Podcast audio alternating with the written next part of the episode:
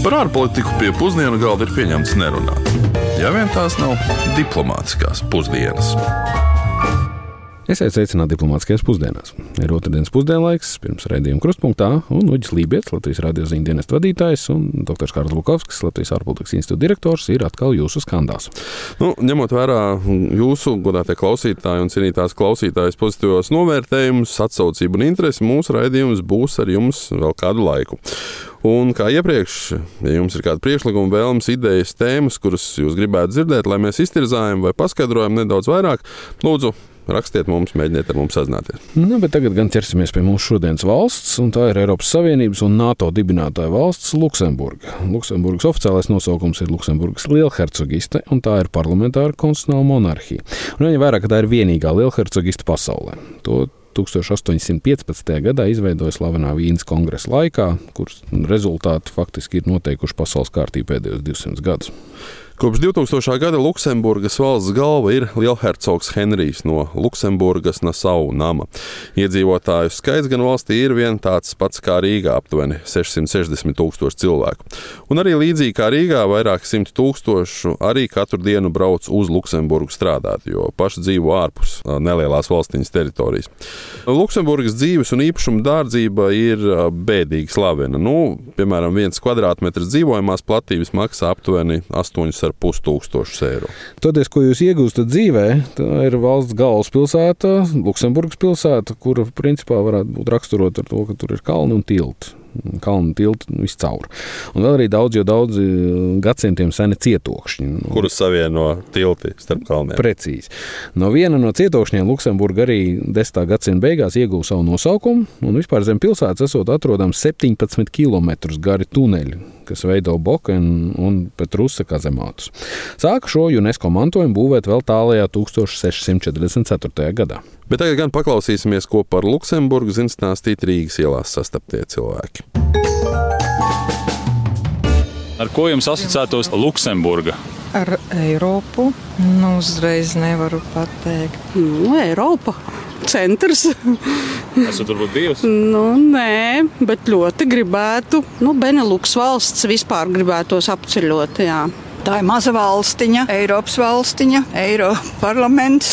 Cilvēki ļoti atklāti, labi, bagāti arī daudz. Ir viena no bagātākajām valstīm, man liekas, ir, tur ir karalis, atrodas pie Vācijas.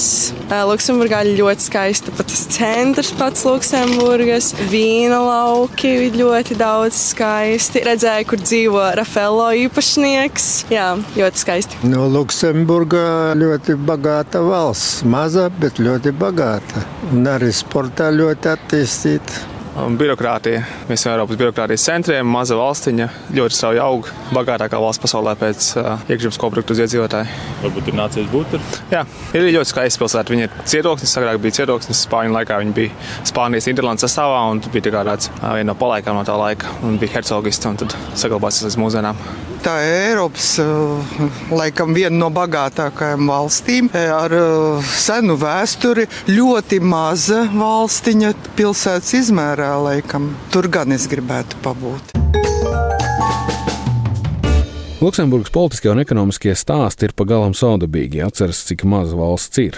Ekonomiski un pat politiski Luksemburga ir apbrīnojami ietekmīga. Kā tālākais stāsts parādīs, un sāksim kā ierasts ar politiskiem aspektiem. Luksemburgas kā valsts rašanās un eksistence ir bijusi atkarīga no politiskās veiklības un izveicības, un kopš 19. gadsimta sākuma teritorija ir mēģinājuši uz visiem laikiem inkorporēt gan Beļģijā, gan Nīderlandē. Skumjākā pieredze, protams, Luksemburgiešiem bija Pirmais un Otrais pasaules karš, kad valsts deklarētā neutralitāte netika respektēta, un abos gadījumos Vācija, lai uzbruktu Francijai, gāja cauri Beneluksu valstu teritorijām, tās vienkārši pakļaujot. Un šī neveiksmīgā pieredze arī noved pie tā, ka uzreiz pēc Otrā pasaules kara beigām Luksemburga izvēlējās meklēt citu valstu atbalstu, izveidot Beneluksu muitas savienību, vēlāk Eiropas Savienību un piedalīties arī NATO alianses radīšanā. Un mazām valstīm neutralitātes politikas īstenošana ir nepieciešami vairāki resursi, nu, vai vismaz pamatīgi kāds no viņiem - finanšu, militārie, nu, vai arī geogrāfiskās atrašanās vieta. Lai lielās valsts respektētu mazo valstu pasludināto neutralitāti ar deklarāciju un starptautiskām tiesībām vien nepietiek, un to arī Latvijas, starp citu, kā mēs labi, diemžēl atceramies, skaudri iemācījās 1940. gadā. Neutralitātei ir nepieciešami īpaši apstākļi un pašu spējas. Starp citu, par vēsturiskiem piemēriem runājot, Luksemburga arī pieder tā saucamajām Beneluksa valstīm, ko veido Beļģija, Nīderlanda un Luksemburga, un kas reizēm ir apspriests arī kā piemērs Baltijas valsts sadarbībai. Luksemburga savu nelielo resursu dēļ bieži ir uzticējusies lielākajām valstīm, Nīderlandē vai Beļģijai, savu interesu aizstāvēšanu starptautiskajās attiecībās. Nu, viens ātrais piemērs, kad Luksemburga ir prezidējošā valsts Eiropas Savienībā, tā nevada visas darba grupas, kā tai pienāktos, bet uzticas, piemēram, Nīderlandē daudzu vadīšanu savā vietā. Nu, Praksa, ko Baltijai arī resursu efektīvākai lietošanai būtu jāapspriež ne tikai Eiropas Savienības ietvaros, kopējās vēstniecības pasaules valstīs un reģionos, ir pēc Vīnas konvencijām pieļaujams un absolūti normāla praksa. Nu, tas ļauj nedublēt vēstniecības vai pat vēstniekus un netērēt naudu, ko var faktiski ietaupīt. Par komunikāciju un vēstu nodošanu runājot, Luksemburga ir visnotaļ īpaša ar to, ka valsts iedzīvotāji ir trilingvāli. Valsts oficiālā valoda ir luksemburgiešu, nu, izcelsme ir augšvācu valodas sajaukums ar franču dialektu. Vienlaicīgi Luksemburgas iedzīvotāji jau skolā mācās gan vācu, gan franču valodas, kas arī tiek lietotas valsts administrācijā. Nu, papildus vēl vidusskolā apgūta tiek arī angļu valoda, nu, kas tos faktiski laikam jau padara par kvadrilingvāliem. Jā, bet interesanti, ka Luksemburgā parlamenta darba valoda ir luksemburgiešu, bet likumi tiek rakstīti franču valodā.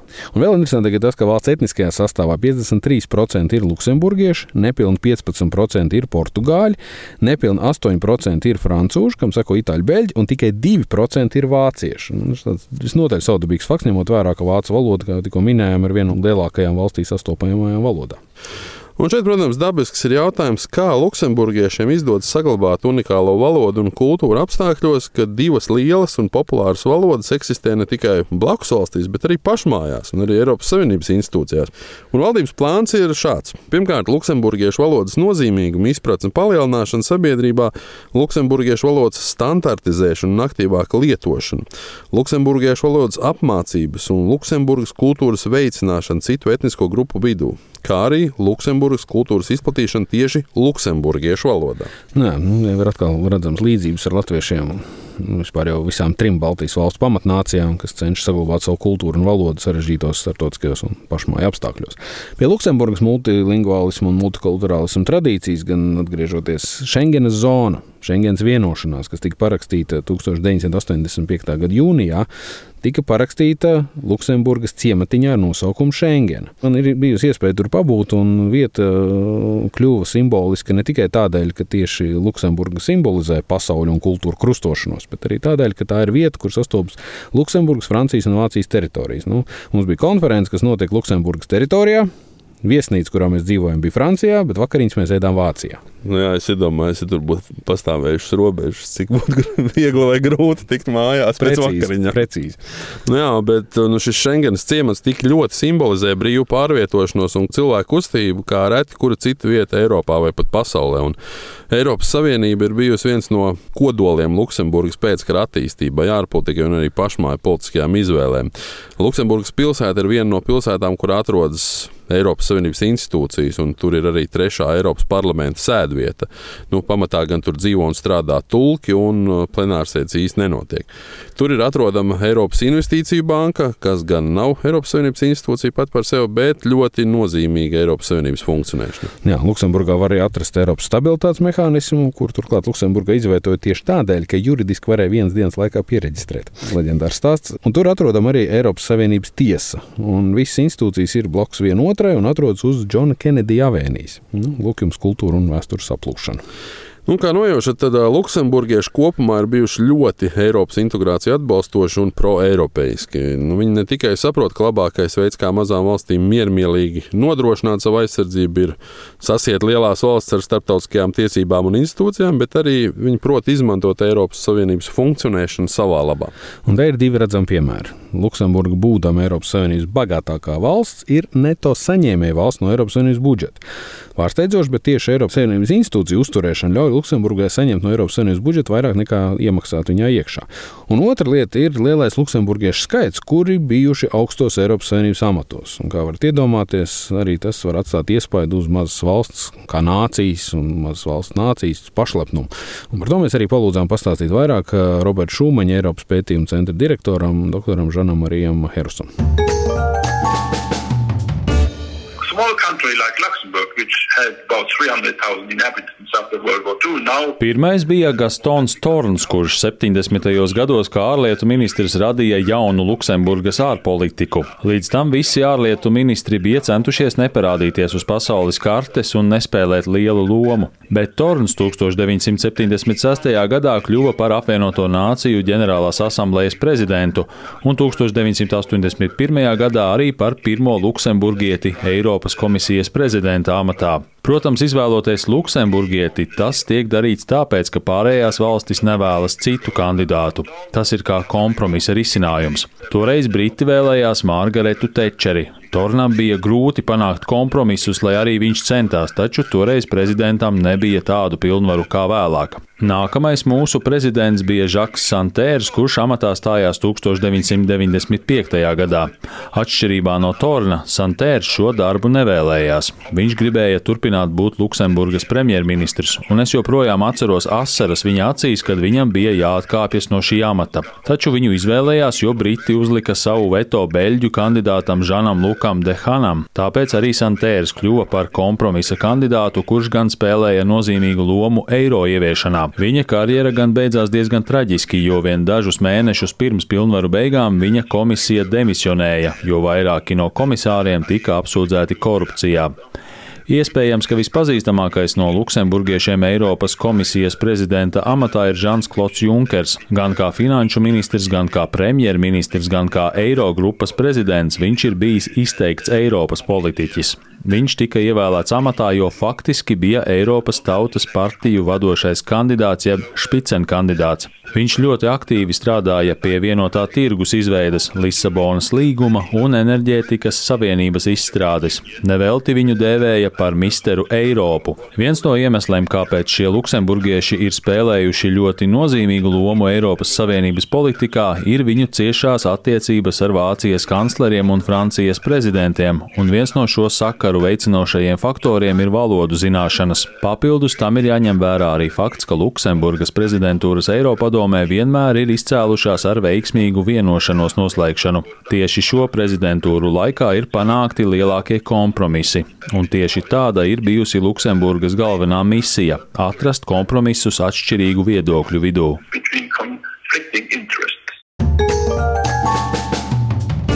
Visbeidzot, pavisam īsi par Luksemburgas veiksmīgo ekonomiku. Mūsdienās tā ir pazīstama kā finanšu centrs, bet aizsākumi 19. gadsimtā ir vairāk saistīti ar tērauda un alumīnija industriju un tās straujo uzplaukumu pasaulē. Mūsdienās mazā valsts vēl joprojām ir nozīmīgs spēlētājs metāla pasaulē. Nu, arī turisms nodrošina gandrīz 10% no valsts IKP, bet tieši finanšu sektors, banku un grāmatvedības pakalpojumi ir tie, kuri valstī ir nodrošinājuši lielākos ieņēmumus. Luksemburga ar laiku kļuva bēdīgi slavena ar banku darbības slepenības praksi un nodokļu paradīzes statusu. Jau 2009. gadā, kad OECD to iekļāva pelēkajā sarakstā. 2014. gadā Luxlīks skandāla ietvaros pasaulē ieraudzīja, ka pat tādas pasaulē slavenas kompānijas kā Apple, IKEA un Pepsi ar Luksemburgas banku un grāmatvedības regulējumu palīdzību pamanījās izvairīties no miljardiem eiro liela nodokļu nomaksas. Un uzņēmējdarbības nodokļu daudzveidīgie režīmi kompānijām faktiski ļaujuši maksāt pat mazāk nekā 1% nodokļos. Luksemburga ilgi tika uzskatīta par otru pasaulē drošāko nodokļu paradīzi uzreiz pēc Šveices. Nu, tik droša, ka runā Luksemburga to noliedzot, ka pat Ziemeļkorejas bijušais diktators Kim Ir-sens esot glabājis ap 4 miljardiem eiro vērts uzkrājums tieši Luksemburgas bankās. Luksemburga skaitās otra lielākā investīcija fonda mītnes valsts pēc ASV un viena no trim nozīmīgākajiem finanšu centriem Eiropā kopā ar Londonu un Cīrihi. Luksemburga gadu desmitiem ir censies piesaistīt startupus, jaunu uzņēmumus un pasaulē pazīstamas kompānijas, lai tās reģistrētu savu darbību, nu, vismaz Eiropā, tieši Luksemburgā. Starp tām ir Goodyear, DuPont, Amazon, KPMG, Deloitte, Ernst Young, PricewaterhouseCoopers un daudzas citas. Nu, un Luksemburgas ekonomiskās un finanšu politikas rezultātā valsts IKP uz vienu iedzīvotāju mūsdienās sasniedz aptuveni 135 tūkstošus eiro. Nu, kā ierasts salīdzinājumam, Latvijas rādītājs ir 37,5 tūkstoši. Nu. Ja vien mums ir šis kāds mierinājums, tad zelta rezerves gan Latvijai ir lielākas nekā Luksemburgai. Jo Latvijai pasaulē glabājas apmēram 5,2 miljardus eiro lielas zelta rezerves, kamēr Luksemburgai pieder apmēram divas reizes mazāk zelta, jeb 2,7 miljardu eiro apmērā. Lai cik būtu paēdis, vienmēr ir vieta arī desertam. Visbeidzot, desertā nedaudz vīna un Luksemburgas politisko īpatnību. Nu, precīzāk sakot, daudz vīna. Luksemburgas pilsētā jūs varat atrast čigēri restorānu, kurā atrodas pasaulē garākais vīnu menu, jeb dzērienu karte. Dzērienu karte. Uh, 2008. gadā restorāns tika iekļauts Guinness rekordgrāmatā, piedāvājot izvēli no 1746 vīniem. Nu, mūsdienās, ja 15 gadus vēlāk, skaitlis esot virs 2200 vīniem. Alkohola lietošanai gan esot kaitīga ietekme jebkurā daudzumā, Turklāt alkohols ir arī viens no vadošajiem pašnāvību iemesliem, kas cit, ir fakts. Bet Luksemburgas gadījumā runa ir par eitanāzijas diskusiju, kura noslēdzās ar to, ka tika mainīta konstitūcija un samazināts lielhercoga tiesības. Nu, respektīvi, asistētā pašnāvība ir legāla Luksemburgā kopš 2009. gada. Un likumdošanas izstrādes laikā zvērinātais katolis Lielhercogs Henrijs atteicās parakstīt likumu. Un rezultātā tika pieņemts ne tikai likums, bet arī Lielhercogam tagad ir tiesības tikai izsludināt likumus, nevis vairs tos apstiprināt.